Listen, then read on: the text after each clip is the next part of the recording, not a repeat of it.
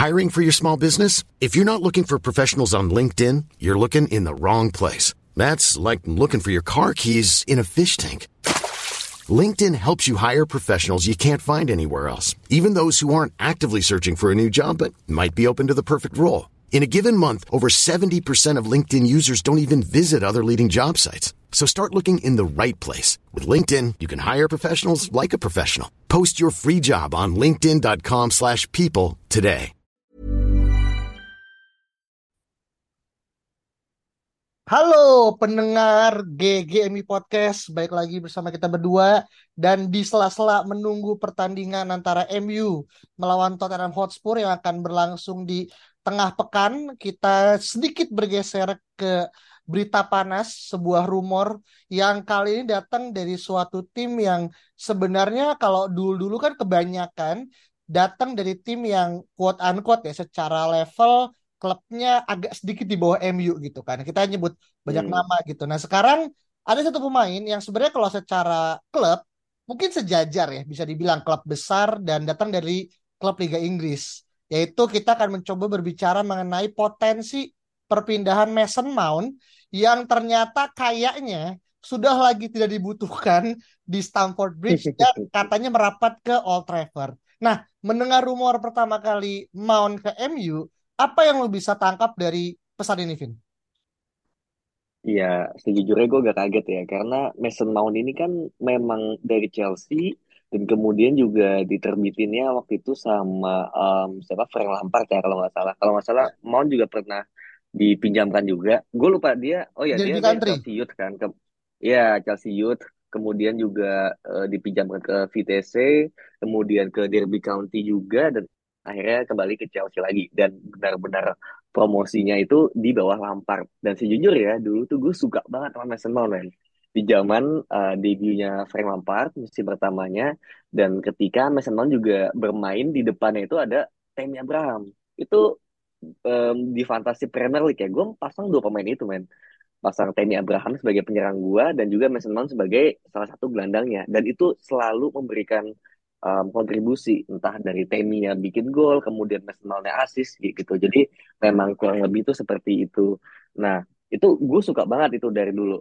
Nah, cuma sejak dua musim ini, menurut gue, Mason Mount ini kayak apa ya? Mungkin terlalu dianak emaskan ya sama em, pelatih-pelatih gitu, termasuk Thomas Tuchel juga. Entah kenapa gitu. Meskipun mungkin kita lihat di lapangan ya, dia tuh kayak nggak ngapa-ngapain ya kan. Kayak dia bukanlah pemain yang punya spesialisasi, bukanlah pemain yang punya apa ya eh, skill khusus gitu dan em, kayak misalnya kayak Anthony gitu kan dia dia dia, dia bisa bisa muter-muter gitu kan. Kemudian juga ada pemain lain yang bisa em, melakukan tendangan em, apa namanya pisang gitu kan.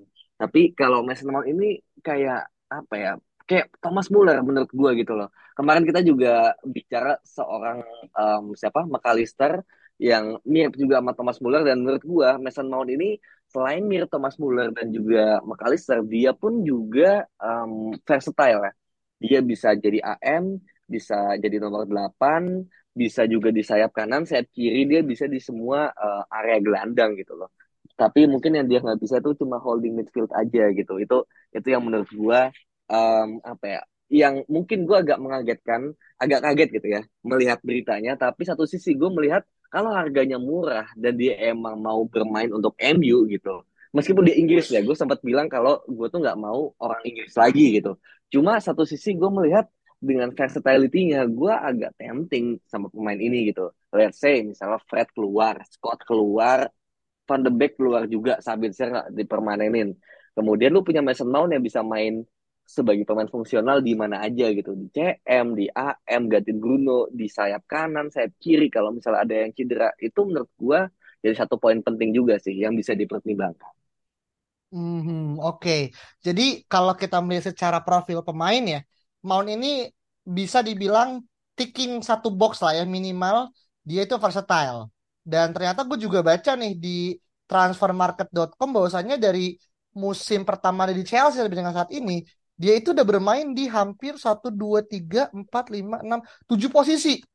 Yang paling saya itu AM, kedua tuh CM, lainnya tuh lebih pada di uh, white flank gitu kan. Jadi emang secara fungsionalitas gue ngerasa apa yang Alvin bilang tuh betul gitu kan. Ketika emang kita punya pemain ada yang cedera, dia sendiri bisa mengisi posisi meskipun mungkin bukan pada posisi terbaiknya ya karena tetap kalau secara Hmm, jumlah uh, gue lihat di 177 pertandingan dia main sebagai AM bawahnya baru sebagai CM di no- di 82 iya, iya. jadi ini hal yang mungkin bisa menjadi suatu bahan pertimbangan tapi balik kepada kondisi terkini pada Mason Mount sebenarnya kenapa rumor ini berhembus kan karena masalah kontraknya Mount ini yang akan berakhir di summer 2024 ya kan dan akhirnya Iya, iya. dari pihak Chelsea mencoba untuk melakukan negosiasi kepada representatif Mason Mount, tapi kayaknya deal tuh sto- uh, stalling dalam arti kayak mungkin mandek kali ya. Dan ini juga akhirnya diperparah dengan uh, Reece James, kompatriotnya itu di awal musim eh awal Januari kemarin itu baru aja memperpanjang kontrak gitu kan dengan delay itu di angka 250 ribu euro per pekan yang mana angka itulah yang diincar sama Mason Mount juga gitu.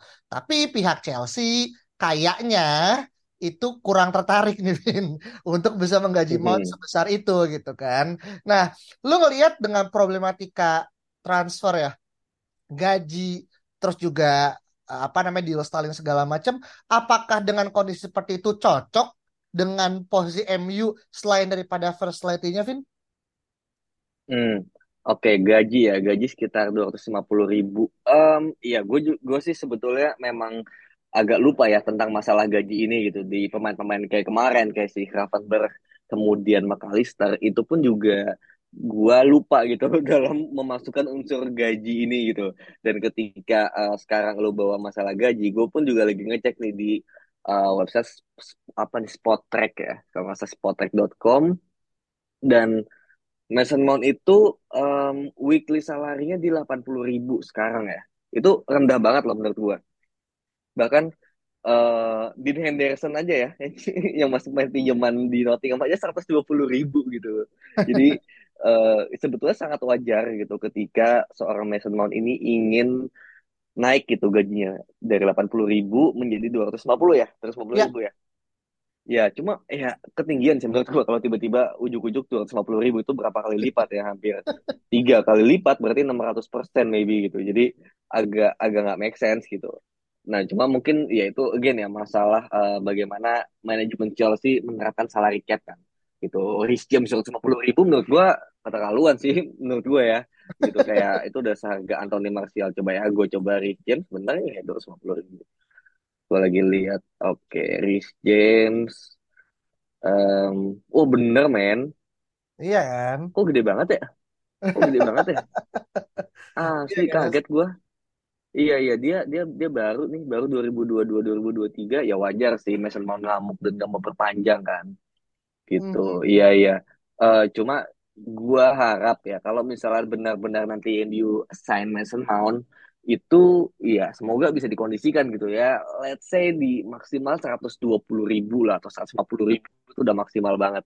Karena kalau kita melihat di City di, di Liverpool itu juga menurut gua sangat bagus ininya apa namanya em, salary cap-nya gitu. Jadi jangan sampai sih, meskipun ini pemain versatile, tapi kalau udah ngomongin gaji, yang mana Marcus Rashford dan David De aja lagi mau dikondisikan kan masalah gajinya gitu. Jadi gua nggak mau sih kalau ternyata itu bakal nantinya merusak juga struktur gaji ya gitu di MU. Ini gua gua lihat Bernardo Silva 150 ribu, Riyad Mahrez 160 ribu, Phil Foden 225 gitu. Jadi bahkan Ilkay Gundogannya 140 ribu men gitu.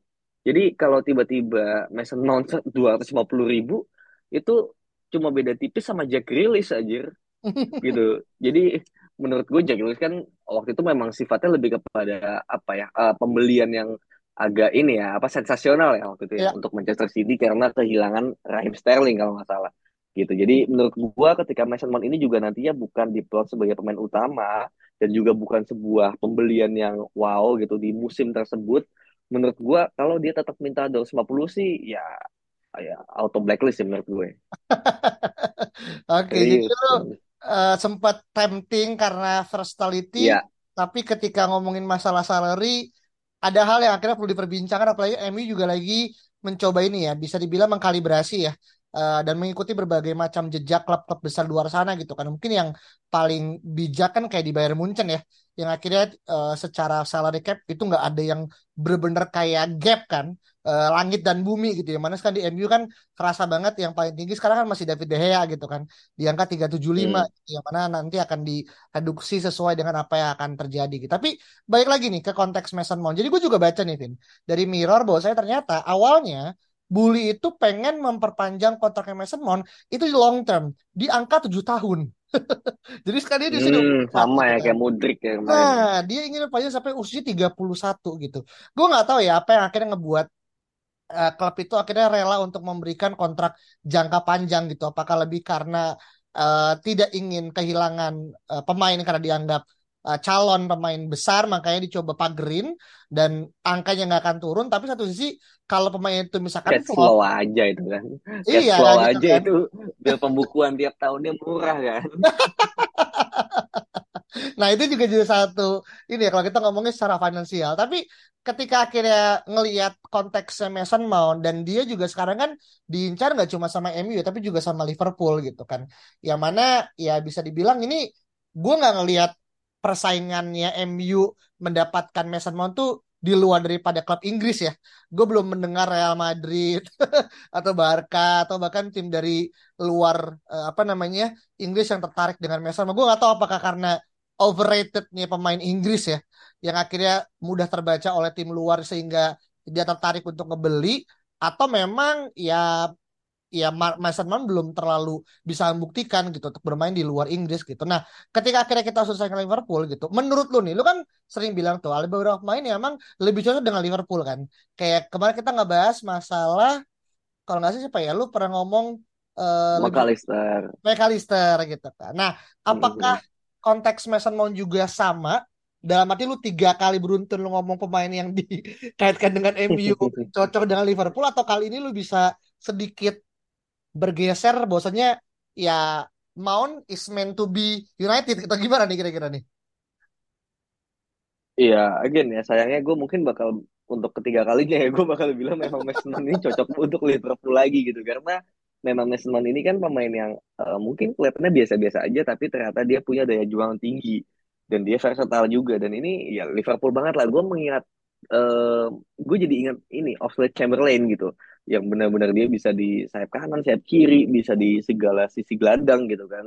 Selain gelandang bertahan ya gitu. Jadi memang mirip banget dan Chamberlain ada di mana? Di Liverpool kan gitu. James Milner di mana? Di Liverpool juga gitu. Sama di Liverpool tuh pemainnya tuh adalah tipe-tipe pemain yang um, apa ya daya juangnya tinggi, daya jelajahnya tinggi, uh, kerja keras itu di Liverpool gelandang-gelandangnya rata-rata seperti itu semua gitu. Dan ketika yang diincar salah satu adalah McAllister dan salah satu adalah Mason Mount gitu ya itu juga sangat make sense. Dan itu juga again ya sangat cocok untuk mereka sebetulnya gitu. Cuma kalau bicara masalah gaji ya Liverpool kan salah satu yang gaji aja gue lagi lihat gitu kan. Trent Alexander Arnold aja 180 ribu. Van Dijk aja 220 ribu gitu. Nggak make sense kalau Mason Mount 250 gitu loh.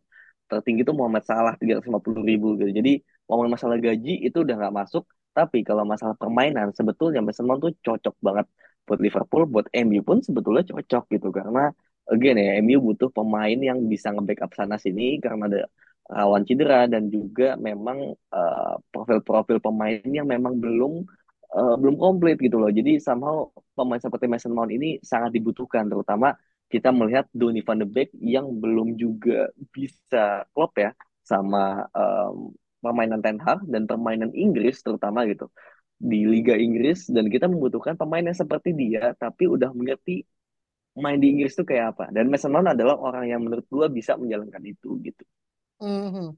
Oke jadi lu ngerasa memang kalau secara pengalaman secara sekali lagi ya versatility kita nggak punya dubs lah ya tentang uh, Mount ya karena ya udah berapa udah dua musim tiga musim ya dia main di Liga Inggris kan di kasar tertinggi gitu kan. Jadi dia udah nggak perlu lah yang namanya mungkin adaptasi gitu kan. Beda kalau kita mungkin mendatangkan pemain dari uh, luar liga apa namanya Inggris yang mungkin ada satu dua tahun. Kalau lu kan menggunakan konsepnya kan adalah benefit of the doubts ya. Jadi Mount ini mungkin udah nggak lagi nih pada fase ini gitu kan. Jadi bisa lebih smooth secara landingnya. Tapi gini Vin, ini mungkin hipotesis gue ya bisa jadi salah bisa jadi kenapa akhirnya Liverpool juga ngotot dengan apa yang akhirnya dia coba dapetin mau dan juga MU PD untuk bisa setidaknya mencari celah. Karena dari sudut pandang gue ya ketika akhirnya sekarang berbicara Manchester Chelsea gue cukup yakin Chelsea itu nggak akan berhenti mendatangkan pemainnya mau dia mungkin nanti degradasi mau dia mungkin nggak masuk Liga Champions segala macam gue cukup yakin Bully akan ngeluarin uang lagi nih di uh, apa namanya summer transfer. Ini pun hari ini kan kita juga belum dapat kabar kalau Engkuku juga datang kan di musim depan gitu karena hmm. udah juga kan sama Chelsea juga dan mungkin ada beberapa nama yang still on the list. Nah, kenapa akhirnya mau mungkin pengen banget dapat dua ratus ribu? Karena gue mikir gini, sesimpel kalau dia nggak dapat gaji yang tinggi, plus Chelsea juga akan mendatangkan banyak pemain di musim yang baru, secara kalkulasi squad Chelsea terlalu thick, terlalu tebel gitu. Yang mana mungkin kualitas Mount mungkin belum belum tentu akan bisa mengisi posisi starting. Apalagi Lampard kan juga katanya ya akan segera digantikan kan dengan pelatih baru entah itu Nagelsmann atau mungkin Pochettino yang mana masa bulan madunya Mount kedua sama Lampard ya akan berakhir gitu. Jadi eh dulu dapat gaji tinggi, nggak apa-apa nggak main mungkin ya gitu. Tapi gue dapat bayaran tinggi dan ya udah mungkin gue nggak dapat panggilan ke timnas tapi setidaknya gue dapat gaji. Tapi biar gue bisa main di liga main di timnas Inggris gitu kan ya gue pindah ke klub lain yang mungkin secara skuadnya nggak terlalu tebel dan gue masih bisa kontribusi. Tapi dengan cara gue quote unquote ngambil dramanya dengan cara dan naikin gue gaji gitu. Jadi gue nggak tahu itu hmm. apakah bisa dibenarkan atau enggak gitu.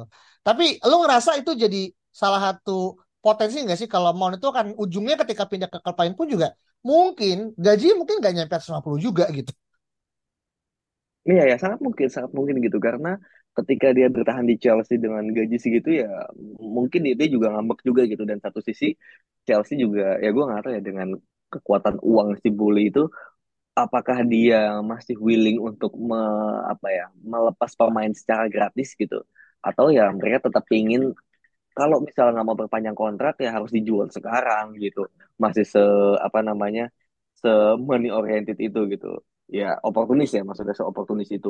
Kalau misalnya si Chelsea juga masih berpikir oportunis ya udah mau nggak mau dijual kan gitu. Dan akhirnya yang tadi kita bilang juga benar mau nggak mau si Mason Mount ini akan pindah lesnya ke Liverpool tapi ya mungkin naik gaji sedikit lah. Dari 80 ribu jadi 100 ribu gitu itu masih make sense. Atau jadi 90 ribu itu masih make sense gitu sih. Tapi kalau misalnya benar-benar diperpanjang sampai 250 ribu gitu ditambah squad yang makin gemuk ya gue lihat juga di sisi kanan aja udah ada nanti Kungku masih ada nanti si siapa yang baru kemarin Madueke masih ada Ziyech Pulisic kiri masih ada Sterling Mudrik juga yang dikontrak 8 tahun 9 tahun gitu gue lupa gitu.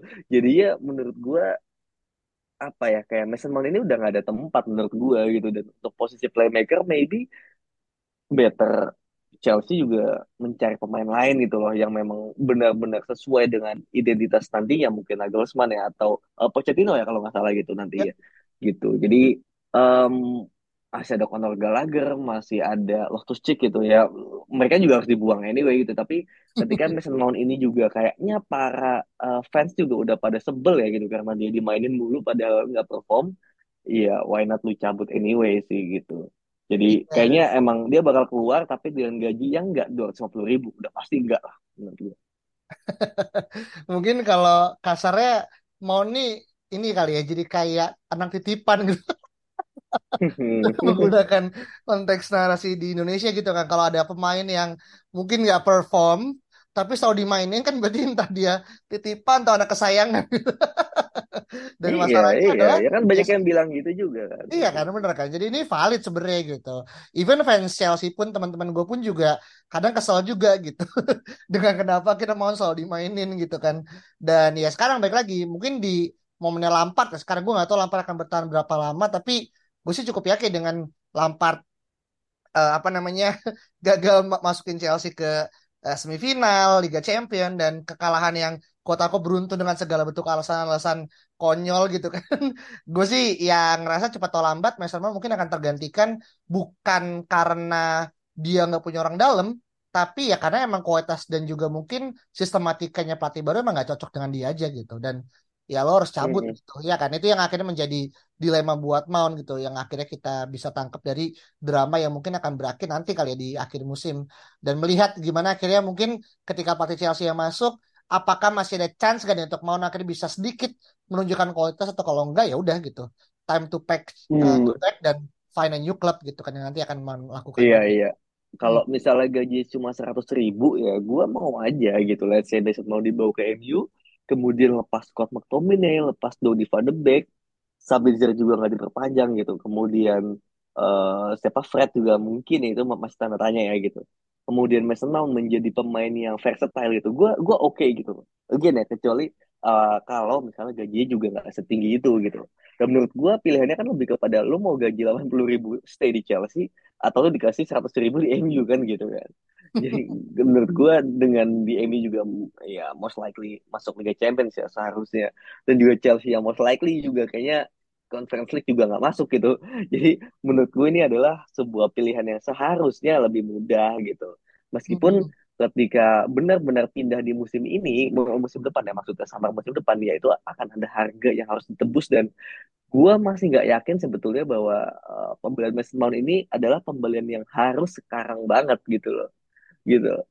Kan masih ada penyerang, masih ada gelandang yang sifatnya uh, apa namanya progresor ya dari belakang, masih ada pelapisnya Casemiro, masih ada back tengah kalau Maguire cabut, masih ada back kanan gitu, masih ada kiper gitu. Jadi banyak banget posisi yang harus ditambal selain daripada ya posisi versatile itu gitu. Atau mungkin kita membiarkan Mason memilih aja di musim depannya gitu.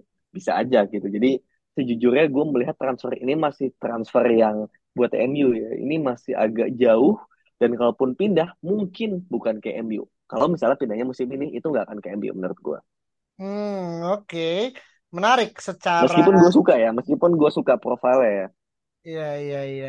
Meskipun, meskipun ya, gue cukup bisa meyakinkan ketika misalkan Mason Mount pindah ke MU, dia kan menggunakan jersey nomor 19 ya, di Chelsea kan.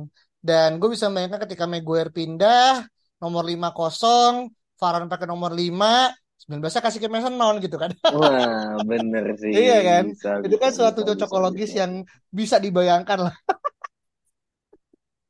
Iya kan? Iya, iya, iya, bisa, Eh, itu bisa. make sense kalau ngomongin masalah eh, apa namanya bagaimana domino effect ya ketika perpindahan pemain itu akan menyebabkan pemain lainnya akan ya mendapatkan eh, dampaknya juga gitu. Jadi mungkin eh, apa Gue namanya kira lu tadi mau bilang Mason Mount dikasih nomor 5. Gue udah kaget aja tadi. dia sih versatile ya tapi nggak seversatile juga kali sih bro. Iya iya Iya, iya. iya bener. Itu kan. Oke, nah mungkin tuh sekilas teman-teman terkait dengan gutak-gutik bagaimana MU yang mencoba untuk uh, mendapatkan Mount dengan segala bentuk skena skema yang akhirnya terjadi dan kita tunggu aja nanti di akhir musim seperti apa dan akan berlabuh ke mana nih jejak langkah kaki Mason Mount untuk musim berikutnya gitu kan. Dan kalau teman-teman setuju ataupun gak setuju dan punya komentar lain silakan bales reply Twitter at GGMI Podcast dan jangan lupa kasih bintang 5 dan follow Spotify dan Twitter kita. Kita ketemu lagi pada episode berikutnya. Bye-bye.